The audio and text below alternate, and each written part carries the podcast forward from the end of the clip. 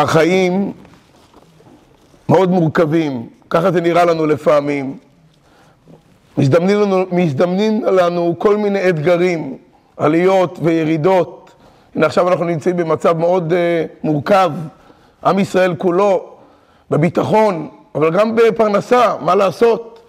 ולפעמים אנחנו תקועים, מרגישים שיש לנו ים לפנינו, לא מסוגלים אה, לחצות אותו. מה אנחנו עושים? התורה היא מלשון הוראה, ורואים איך שבפרשת השבוע מנחים אותנו כל פעם מחדש איך אנחנו מתמודדים עם התקופה. רואים בפרשת השבוע שלנו, פרשת בשלח, רואים איך מתמודדים עם פרנסה, עם כל מיני בעיות, אבל בעיקר הדאגה העיקרית של האדם, מה יהיה מחר? איך אנחנו נשרוד, כן? גם לאנשים שאין להם יש את הבעיה הזאת, גם לאנשים שיש להם יכול להיות בעיה עוד יותר גדולה. כי האתגרים שלהם כל כך גדולים, וחס וחלילה נפילות יכולות להיות גדולות, איך אנחנו מתמודדים? הגמרא אומרת, קשים מזונותיו של אדם כמו קריאת ים סוף. החיזור אחרי הפרנסה יכולה להיות כל כך קשה כמו לבקוע את הים. שני הדברים האלו כתובים אצלנו בפרשה, בפרשת בשלח. גם קריאת ים סוף וגם התמודדות או משבר של פרנסה. אנחנו נראה את שניהם אנחנו נראה בפרשת השבוע. אז אנחנו נלמד היום, בדקות האלו, אנחנו נלמד איך אנחנו מתמודדים עם קריאת ים סוף, נראה איך זה התחיל, למה זה קרה בכלל. ריבונו של עולם, היינו במצרים, יצאנו, השם של הפרשה בשלח. מה זה אומר בשלח? פרעה עצמו, החמאסניק הגדול, נעמד ומפקד על מבצע של חילוץ של 600 אלף גברים. הוא זה שמפקד. הוא מפקח, הוא מתאם, הוא מוודא שכולם יוצאים. זהו, הגענו לפי החירות. פי החירות זה מקום של חירות. פתאום מתחיל דרמה. פרעה שומע שעם ישראל יצא כאילו לא יודע, והוא אומר, אני רוצה עכשיו לבדוף אחריהם. לוקח פרעה את הגורילות שלו, את האנשים הכי נבחרים, את הבהמות הכי נבחרים, ורץ חיות אדם על אה, סוסים, רכובים על סוסים, רצים אחרי עם ישראל, ועם ישראל נמצא פה בדילמה מאוד קשה. הקולות, המתח, האימה הגדולה שהיה מהמצרים, הם לא ידעו מה לעשות. מלפנים יש את הים, מאחוריהם יש את המצרים, הם לא יודעים לאן ללכת. מאז התחילה הפלגנות בעם ישראל, התחילו מפלגות. מאז התחילו המפלגות. מפלגה אחת אמרה, בואו נחזור למה שהיה קודם, כן? אפרופו למה שהיה, בואו נחזור למה שהיה קודם. מה? נלבש בחזרה את בגדי העבדות, נהיה בחזרה עבדים. אין מה לעשות, אין ברירה. שניים אמרו, השתגעתם? בואו נילחם, אנחנו חזקים. השלישים אמרו, אנחנו לא רוצים בכלל להתמודד עם המצרים, עדיף לנו ליפול לים. הרביעים, המפלגה הרביעית, התחילו לצעוק, אבל בייאוש. ואז הקדוש ברוך הוא אומר למשה רבינו, מה תצעק אליי? דבר אל בני ישראל וייסעו. לאן לנסוע? להתקדם. לאן? לים. לים. נכון, אין ברירה, רק לים. מה הרעיון להיכנס לים? אז באמת נחשון בן עמינדב נכנס לים, שמע שצריך להיכנס לים, אמר זה גם הכיוון, זה המצפן שלנו לכיוון מתן תורה, שם אנחנו הולכים לקבל את התורה, נתקדם לים, עד שהים הגיע לו למעלה. ופתאום, באופן ניסי, הים נבקע לשניים. נהיה שביל רחב, נהיה יבשה, ובני ישראל הלכו ביבשה בתוך הים, והמים להם חומה מימינם ומשמאלם. המים נהיה כמו מגן, מים בדרך כלל יורדים בשפל, פתאום המים נעמדו כמו נד, כמו משהו שנעמד משני הצדדים. ובני ישראל הולכים בתוך הים, אז המצרים נכנסו אחריהם והמים נסגרו עליהם. ככה היה הנס הגדול של קריאת ים סוף. נשאלת באמת השאלה, הקדוש ברוך הוא הוביל אותנו, איך אומרים, כל כך יפה, בכזאת אבהות. הראה לנו עשר מכות שנתן למצרים, שחרר אותנו ביד ובני ישראל יוצאים ביד רמה. למה הדרמה הזאת עכשיו של קריאת ים סוף? מה הקדוש ברוך הוא רצה פה, יכול להשיג פה בכל הסיפור הזה? אנחנו רואים את זה גם בסיפור השני, מיד אחרי כן, חודש ימים, עם ישראל היה ב...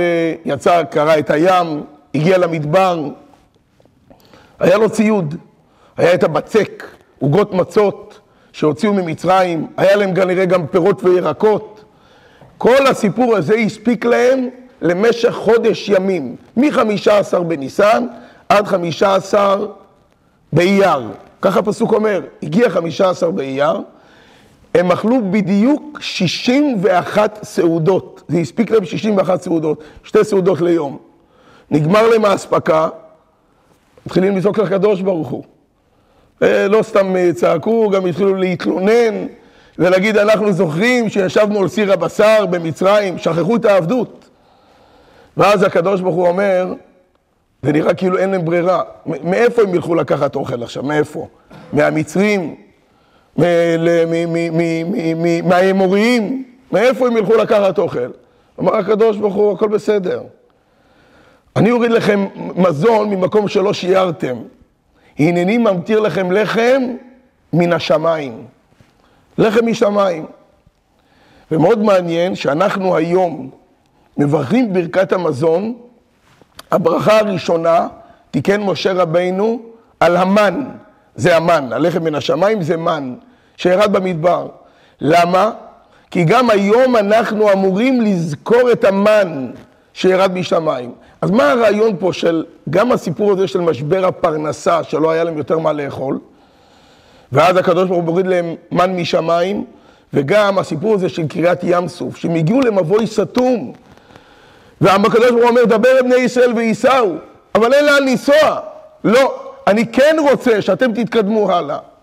הרעיון הוא שהקדוש ברוך הוא בעצם אומר, אני רוצה מעבר לעניין הטכני שאתם עושים לפרנסה, לקיום, להישרדות, כן, אמרנו קודם, הפרנסה זה דבר עיקרי, זה, זה משפיע גם על החינוך הילדים, כמו שאמרנו שבוע שעבר, זה משפיע גם על זוגיות, זה משפיע גם, על, משפיע גם בבריאות שלנו. ואנחנו רוצים שיהיה לנו עוגן כלכלי. אומר הקדוש ברוך הוא, מעבר לזה שאתם עושים הכל בשביל הפרנסה, דברים הטכניים, אתם מחזרים אחרי פרנסה, עושים מסירות נפש בשביל זה, ככה צריך להיות, בשביל פרנסה צריך לעבוד קשה. ששת ימים תעבוד ועשית כל מלאכתך, זה לא אופציה, זה לא, זאת לא המלצה, זה הקדוש ברוך הוא אומר, אני, אני, אני מצווה עליכם. הכלי יקר, אחד מפרשני המקרא אומר, כשם שנצטוו על השבת, כך נצטוו על המלאכה. אדם מצווה לעבוד כדי להביא פרנסה. אומר הקדוש ברוך הוא, אבל מעבר לזה, אני רוצה שתדעו שהברכה מגיעה ממני. הברכה לא מגיעה מה, מהעשייה שלכם, הברכה מצויה במעשה ידיכם. וברכך השם אלוקיך בכל אשר תעשה, אתה צריך לעשות, אבל הברכה מגיעה ממני. היא מגיעה מלמעלה. וזה הרעיון של קריאת ים סוף, שהקדוש ברוך הוא מביא אותנו לפעמים למבוי סתום, שעשינו את כל ההשתדלות, מה חסר עכשיו? חסר הידיעה, הפנייה לקדוש ברוך הוא בצורה כזאת שאנחנו גם נסמוך עליו, נבטח בו, שנדע שהוא אבא שלנו. כמו שאני צריך לפרנס את הילדים שלי, ככה הקדוש ברוך הוא צריך לפרנס את הילדים, הילדים שלי זה הילדים שלו. אם אנחנו נסמוך עליו ברמה כזאת, לצד כל ההשתדלות, אז הקדוש ברוך הוא אכן באמת יפתח לנו שערים, שערים של פרנסה, יפתח לנו אם זה משמיים, אם צריך לפתוח את השמיים, אם צריך לבקוע את הים, הוא יראה לנו ניסים כאלה לא שגרתיים, אבל באופן שאנחנו נבטח בו לגמרי. רוצה לספר קוריוז, ככה מספרים, מספרים על איזה עגלון שהלך ללמוד עגלונות כדי שתהיה לו פרנסה. ואז הוא למד כמה שיעורים, כנראה שבעגלונות גם היו צריכים ללמוד כמה שיעורים, והוא בא לרב העגלונים כדי שייתן לו סרטיפיקט, אישור, תעודה, שהוא עגלון מנוסה, ותיק, עבר את המבחן, הכל בסדר. שואל אותו, תגיד לי, מה אתה עושה במקרה ואתה נמצא בירידה? אתה נוסע עם נוסעים ופתאום אתה רוצה קצת אה, לעצור, ואתה לא מצליח לעצור. מה אתה עושה? אומר, אני מנסה להפעיל את הברקסים. אבל אם זה לא עובד, אני מנסה להכות בסוסים. הוא אומר, אבל זה לא עובד. חושב, חושב, אומר, אני באמת לא יודע. אומר לו, מה אתה עושה אם אתה נמצא על ההר, ואתה מנסה ל... וזה לא, פתאום לא, לא, לא נוסעים, לא, זה לא זז, לא זז קדימה. אומר לו, אני מצליף בסוסים, ואם זה לא עוזר, מצליף יותר חזק, ואם זה לא עוזר, אני באמת לא יודע. אתה לא יודע, אבל יש לך נוסעים מאחורנית. איך אתה יכול להשאיר אותם ככה באמצע? אומר, אתה לא יכול לקבל... זה לך תלמד עוד הפעם, תחזור אליי שוב פעם. באה הפעם השנייה, מראה לו איך נוהגים, איך עושים, זה, הכל בסדר. מגיע לשאלות, הוא פחד מהשאלות. אומר לו, מה אתה עושה? אתה נמצא על ההר, וזה לא נוסע, מה אתה עושה? אומר, אני מנסה להתחיל בסוסים. אותן תשובות. זה לא עוזר, שוב פעם. ואז, אני באמת לא יודע, שלח אותו שוב פעם, תלמד פעם שלישית. הוא בא פעם השלישית, פחד מהשאלות, הוא לא יודע מה לעשות, הוא שאל כל מיני, הוא לא יודע מה לעשות. הוא הרגיש שהוא חייב לקבל כבר את התעודה כדי שהוא יוכל להתחיל לפרנס את המשפחה שלו. שואל אותו, מה אתה עושה שאתה נמצא על הר? הוא אומר, אני מצליף בסוסים. הוא אומר, ואם זה לא עוזר? הוא אומר לו, אני צועק לקדוש ברוך. הוא אומר לו, אה, את זה רציתי לשמוע. אני רציתי שתדע שהכל מגיע ממנו. הלימוד שלך מגיע ממנו, המוטיבציה שלך מגיעה ממנו, הפרנסה שלך מגיעה ממנו, הכל מגיע ממנו. כשאתה תדע את זה, תהיה לך ישועה, תהיה לך גם פרנסה. אתה יכול לקבל את האישור. וזה מסר גדול מאוד בשביל כל אחד מאיתנו. בקיעת ים סוף, זה לא אומר בקיעת ים סוף, הים סוף הגדול. זה אומר גם בקיעת הים שנמצא בתוך כל אחד מאיתנו. ים זה מעלים. מעלים, כתוב שבים יש אוצרות הרבה יותר גדולים מאשר האוצרות שביבשה. כמה מתוך העולם גם זה ים? אני חושב, אה? שני שליש? 70 אחוז, שני שליש, כן? מתוך העולם זה ים, ובים יש אוצרות טבע שאין בשום מקום אחר, אבל זה נעלם, זה מכוסה. בכל אחד מאיתנו יש אוצרות, אוצרות של נשמה גדולה, של אמונה גדולה. אבל מה לעשות, חיי היום-יום מעלימים על הנשמה שלנו. אומר לנו הקדוש ברוך הוא, תבקעו את הים הפנימי, תגיעו לאמונה שלכם הפנימית, אז גם ייבקע לכם הים הגדול. וזה הרעיון של בקיעת ים סוף, שזה מוביל לפרנסה, זה מוביל לכל הדברים הטובים. אומר הקדוש ברוך הוא, יצאתם ממצרים, עברתם את השלב הזה, נכון, התמודדתם עם פרעה, עכשיו אתם צריכים להתמודד עם האמונה שלכם, לא עם האויב החיצוני, אלא עם האמונה שיש בתוככם, לגלות את הנשמה שלכם. עם הנשמה אפשר לבקוע גם את הים.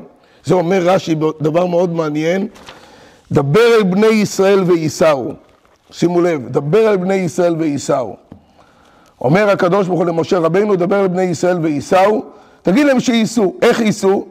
אומר, אומר ככה, שימו לב, אין להם אלא ליסע, שאין הים עומד בפניהם. מה זה אין ים? כאילו, זה ייעלם. כדאי זכות אבותיהם והם, והאמונה שהאמינו בי ויצאו, כאילו יצאו למדבר, ידעו שיוצאים למדבר, אין להם uh, חנויות, ו... אבל הם יצאו כי הם האמינו בי. כדאי האמונה הזאת לקרוע להם הים. זאת אומרת, האמונה של היהודי, שהוא יודע שהקדוש ברוך הוא יעזור לו, זה מה שיקרא להם את הים. אני רוצה לסיים בסיפור מעניין. מספרים על הנכד של הבעל שם טוב. קראו, קראו לו רבי אפרים מסדיקוב, אם אני אומר את השם העיירה בצורה נכונה. הוא הוציא אחרי כן ספר בשם דגל מחנה אפרים. הוא היה רב באיזה עיירה והחליט לעזוב, יום אחד הוא החליט לעזוב את העיירה, רצה להחליף אה, משהו אחר למקום אחר, רצה להתמסר ללימוד תורה, ואז הגיעו אליו שני אנשים להתדיין אצלו, וזה שינה לו את ההחלטה. האנשים היו ראש הקהל ומלמד, שהם רבו, התווכחו ביניהם, מה היה הסיפור? ראש הקהל אמר לרבי אפרים, הסיפור שלי הוא כזה, אני יש לי כל מיני עסקים שאני עושה, ואני לא יכול ללמד את הילדים שלי. חיפשתי מלמד לילדים. יצאתי יום אחד לרחוב, ואני רואה איש מתוך הקהילה, שאני מכיר אותו, לא ידעתי מה, במה הוא מתפרנס, ואני רואה שהוא מוכר בייגלח ברחוב, צועק בייגלה ברובל, בייגלה. אני יודע כמה שזה היה ברוסיה. ועכשיו אני יודע שהוא, יש לו גם תוכן, הוא יכול גם להתעסק במלמדות, זה בסדר. למכור בייגלה זה, איך אומרים, העיקר שיש לבן אדם פרנסה, אבל הוא יכול להתעסק במשהו גם לעזור לי, ללמד את הילדים שלי. ואמרתי לו, בוא, אתה עובד פה, נמצא מתחת לשמש, בוא אליי הביתה, תלמד את הילדים שלי, אני אנקוב לך בשכר, שכר שבועי. תן לך שתתפרנס בכבוד, כמה שהרווחת עד היום, תתפרנס עוד יותר בכבוד. אבל תהיה אצלי, וככה אני אעזר וגם אתה תיעזר. אמר לו, בסדר גמור. קבעו שכר, התחיל ללמד את הילדים שלו, הכל היה בסדר. יום אחד, ככה מספר ראש הקהל לאותו רבי, רבי אפרים, אומר לו, אני יוצא לחו"ל, למסחר, לכמה שבועות, אני חוזר בחזרה, הילדים שלי אה, מסתובבים, אין להם מלמד. אני מחפש את המלמד, אני לא יכול למצוא אותו, הוא לא, לא מגיע, כבר שלושה שבועות שהוא לא מגיע. עד שמצאתי אותו, אני שואל אותו, תגיד לי, מה זה הסיפור הזה? סיכמתי איתך משהו, אתה צריך ללמד את הילדים שלי, מה זה אתה הולך? מה זה? אומר לו, אני לא יכול יותר, אני לא...